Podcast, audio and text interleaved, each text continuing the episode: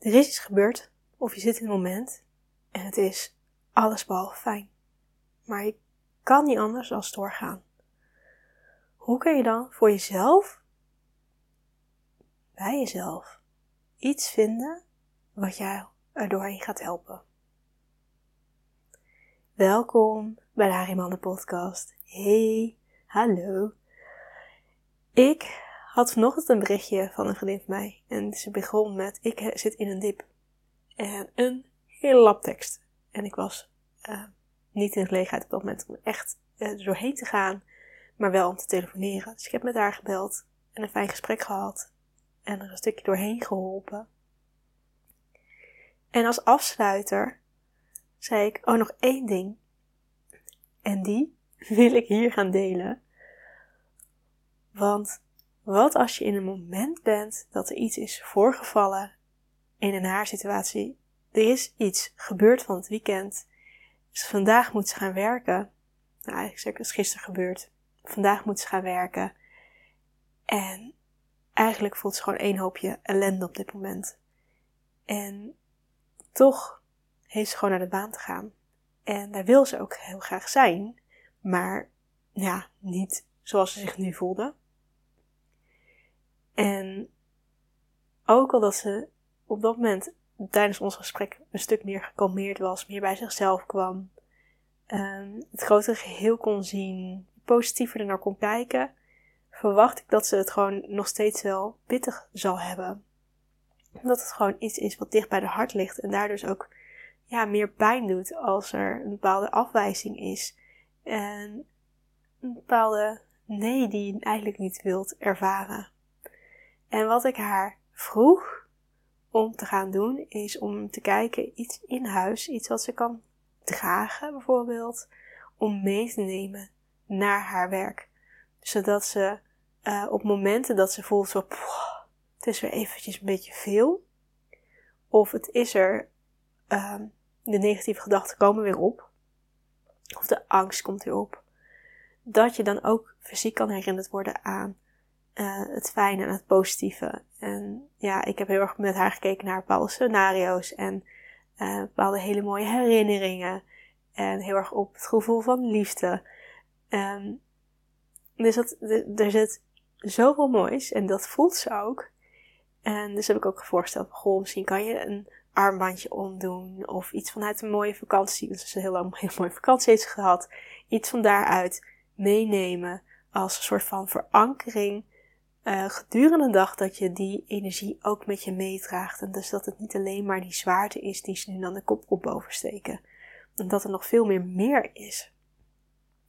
En zo kun je dus iets fysiek bijvoorbeeld met je meedragen.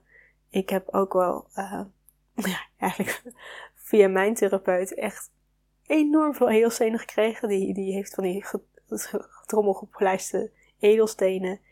En ik weet nog dat we op retreat waren in Spanje. En uh, ieder, iedere vrouw had zo'n zakje met edelstenen gekregen. En sommige hadden verschillende betekenissen. Ze zei, ja, draag gewoon wat met je mee. En um, dat vrouwen het ook in een BH hadden gestopt. En dan ook lachen, want als je de eerste keer je BH uitrekt, dan denk je er niet aan. En dan vallen die edelstenen over de grond. En dan moet je ze bij elkaar rapen. Um, dus op die manier kan je dus ook bijvoorbeeld edelstenen dragen. En kijken of je het in in een zak kan stoppen of op je huid kan dragen. Nou, een is dan een makkelijke. Um, dus volg daarin wat voor jou passend is. En dan kan je ook kijken, bijvoorbeeld is het een bepaalde edelsteen met een, ja, een extra hulpbron, een, een werking die extra kan ondersteunen in het proces waar je nu doorheen gaat. Maar er is meer als dat. Want wat ik ook heel erg zat na te denken achteraf na het gesprek, was het moment en hoe dat bij mij zo speelt, dat als je in een situatie zit en je moet het maar gewoon een beetje ondergaan. En dat had ik dus laatst bij de tandarts. En ja, het is gewoon niet mijn, mijn ding. Maar ik heb er niet angst voor, maar ik vind het gewoon echt wel behoorlijk onprettig. En ze was dus leuk met zo'n poetsspulletje, ja, een soort van polijsten of zo, weet ik het um, tandsteen aan het verwijderen. Het was gewoon een controle. Dus het is gewoon eh, vrij snel. Maar ik zat er echt zo en ik, oh, de pijn. En nee, ik wil, wil hier niet zijn. Ik vind het niet fijn. Dus dan ligt ik al die stoel en dan probeer ik al te letten op mijn ademhaling. En dat ik niet helemaal verkrap en mijn handen gaan knijpen en vuisten. Want dat is een mechanisme voor mij om uh, ja, weg te gaan bij het ongemak. Dus om meer te ontspannen. Nou ja, goed, ademhaling is natuurlijk de ding. Maar wat mij dus ook helpt op dat moment, is om mijn mind een soort van af te leiden naar iets anders. En wat bij mij opkomt, het is echt zo, ja, het klopt gewoon op. Dat vind ik echt magie erin ook. Zijn uh, liederen die mijn moeder zong als kind zijnde tegen mij. En sommige ken ik half de tekst, dus dat, dat gaat dan half neuriënd in mijn hoofd door. En soms zijn het ook teksten of uh, mantra's. Daarom vind ik het zo bijzonder, want ik heb daar ook een hele weerstand tegen gehad. Zijn het mantra's van mijn vader, maar die ik dan ken van mijn moeder. Dus het is een, een ja, een hele unieke combinatie. En ja, het zijn vaak momenten dat ik denk van, poh, het is even, echt even veel. Dat dat voor zang oppopt en dat ik dat dan maar in mijn hoofd ga zingen. En om me af te leiden en weer te denken van ja, maar wat was die tekst ook alweer? Uh, hoe ging het ook alweer? Hoe was het ook een ander liedje? Want mijn moeder heeft een, een, noemen ze altijd van indianenliederen. En dat zijn er dan volgens mij twee of drie. En nee, drie zijn het er. En als ik dan denk, welke was die andere ook weer? Dan moet ik altijd heel hard nadenken om te kijken wat de andere teksten waren. En dan ben ik op die manier een stukje afgeleid van de, ja, de ongemak van in de tandartsstoel te zitten. En zo zijn er ook momenten, bijvoorbeeld, dat je geïrriteerd en moe en bozig misschien wel in de auto zit in de file. Ja, je kan gewoon geen kant op. Je hebt gewoon te zitten en te rusten en te wachten en mee te gaan. En dan kan het dus ook helpen om dan te kijken, hé, hey, wat komt er dan bij jou op? En wat mag er dan daarna ruimte worden gemaakt? En volgens mij deed mijn moeder, die, deed dit ook. Maar die, uh, ik denk wanneer, dat weet ik al niet meer. maar die vertelde wel eens dat ze dan het huis opnieuw aan het inrichten was. Of dat ze ging visualiseren of dromen over een toekomstige plek. Bijvoorbeeld de plek waar we nu wonen.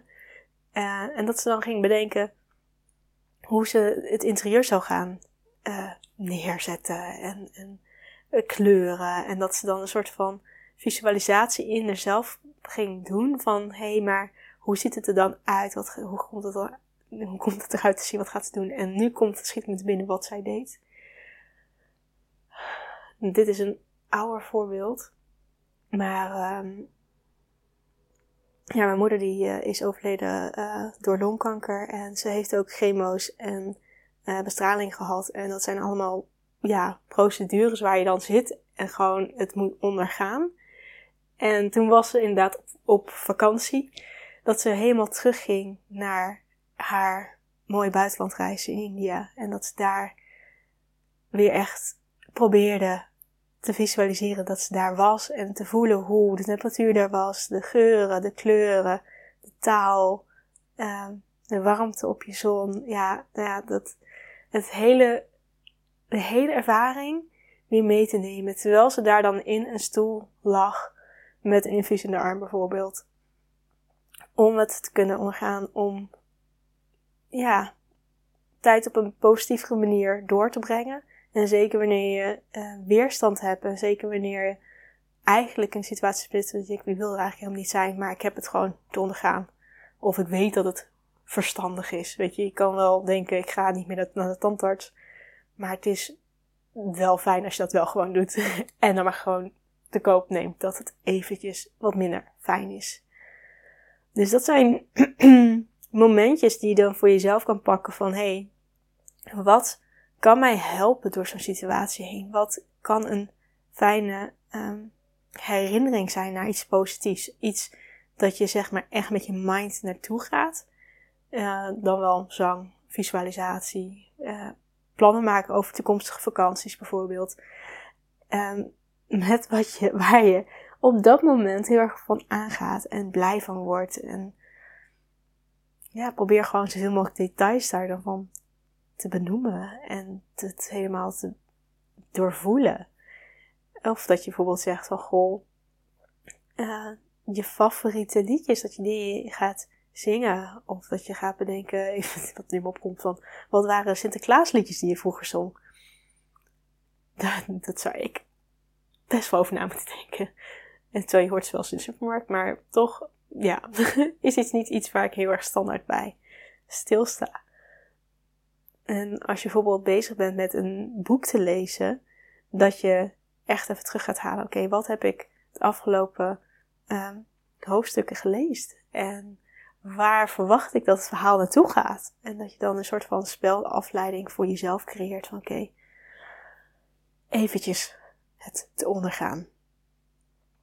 En bij mijn vriendin, waar het dus niet gaat over het gewoon maar volhouden, maar meer een stukje, um, ja, in een, in een vervelende situatie, want dat is nu hoe zij het denk ik wel ervaart, het toch weer het positieve ervan te kunnen bekijken en op zoek te gaan naar, ja, wat, wat ligt er echt onder? Wat, wat is de um, positieve wat ik eruit kan halen? Wat, wat geeft nog meer die liefde die er in een manier in zit? Is daar ook? Of waar is het diepere verlangen? Volgens mij val ik in halen. ik probeer heel erg na te denken, hoe kan ik het vertellen? Zonder dat ik haar situatie helemaal ga schetsen. Want dat is gewoon, ja, privé vind ik. Ik heb niet haar toestemming gevraagd om specifiek dat voorbeeld te gaan benoemen. Misschien doe ik het nog wel en dan kan ik gewoon nog een extra keer vertellen over een stukje over manifesteren en een stukje voor openstaan. En ja, eigenlijk het hele leven te kunnen zien als een soort van spel. Van je zet een stap en eigenlijk is daar geen goed of fout in, maar is hij plezierig of onplezierig? En als hij niet plezierig is, dan is de vraag: oké, wat kan je eruit halen zodat hij weer plezieriger kan gaan worden in de toekomst? En dat je er iets moois van weet te maken. En dat is wel een stukje waar ik heel erg in geloof. Dat het pad wat, wat je bewandelt, dat daar heel veel, ja, eigenlijk schatten in verborgen zitten. En het is aan jou om daarnaar te gaan kijken en te onderzoeken van, hé, hey, maar wat, wat zit daar verstopt? En soms moet je dan even bijtelen en graven om die schat te vinden. Maar als je wel vertrouwt dat, ook al waar je ook loopt, dat het daar ook is, maakt het wel een stuk mooier als dat je denkt, ja, wat een lelijke grond is dit. En terwijl je denkt van, ik wil alleen maar pracht en praal en regenboog en uh, zonnestralen en maneschijn. En omdat je denkt, ja, ik loop hier een beetje in, in, in verlepst weer op een lelijk pad. Ja, maar wat zit daar nog meer onder verscholen? Terwijl, oké, hey, misschien als het nu regent, kan er wel op het pad juist weer heel mooi gras gaan groeien. En kan je wel er gaan wanen in een mooie omgeving waar je, waar je echt naar verlangt. Ja, dat is een denk ik even nu. Ik merk dat ik een bepaalde toch wel moe word. ik ben net ziek geweest en ik dacht, ja, kom maar op, gaan door. En weer door. en ja, mijn ochtend begon heel vroeg dat ik bij mijn schoonmoeder ben gaan werken. En ik heb daar vier uur lang gewerkt ondertussen. En ik was daar in zo'n hype vibe dat ik dacht van oké, ik trek door en ik pak een laptop en ik eet iets. En nu voel ik dat nadat ik heb gegeten, dat ik nu denk, mijn lichaam echt van, oh, we gaan echt even rusten. Dus uh, ja, ik ga nu denk ik even met mijn benen omhoog lekker op de bank even zitten. Echt even pauze nemen. En uh, dat gun ik jou ook. Dus volg daarin ook jouw lichaam. Ook al dat je soms denkt van, jee, jee, jee, door, door, door. Het moment dat je voelt van, oké, toch die behoefte om even te stoppen, pak die dan ook. En als je die behoefte heel vaak voelt, dan kan je kijken, wat gaat er in het leven dat je denkt van oké, daar mag ik meer rust in gaan inbouwen. Uh, of dat je misschien kan onderzoeken, hey, is dit een afleidmanoeuvre om maar niet confrontatie aan te gaan met dingen die ik spannend vind. Um, omdat ik dan liever letterlijk op de bank blijf zitten als dat ik in actie ga. Omdat het confronterend kan zijn om in beweging te komen. Dus dat is dan ook interessant om te gaan onderzoeken. Oké. Heel veel liefs en heel graag tot een volgende aflevering. Oké, doei doei!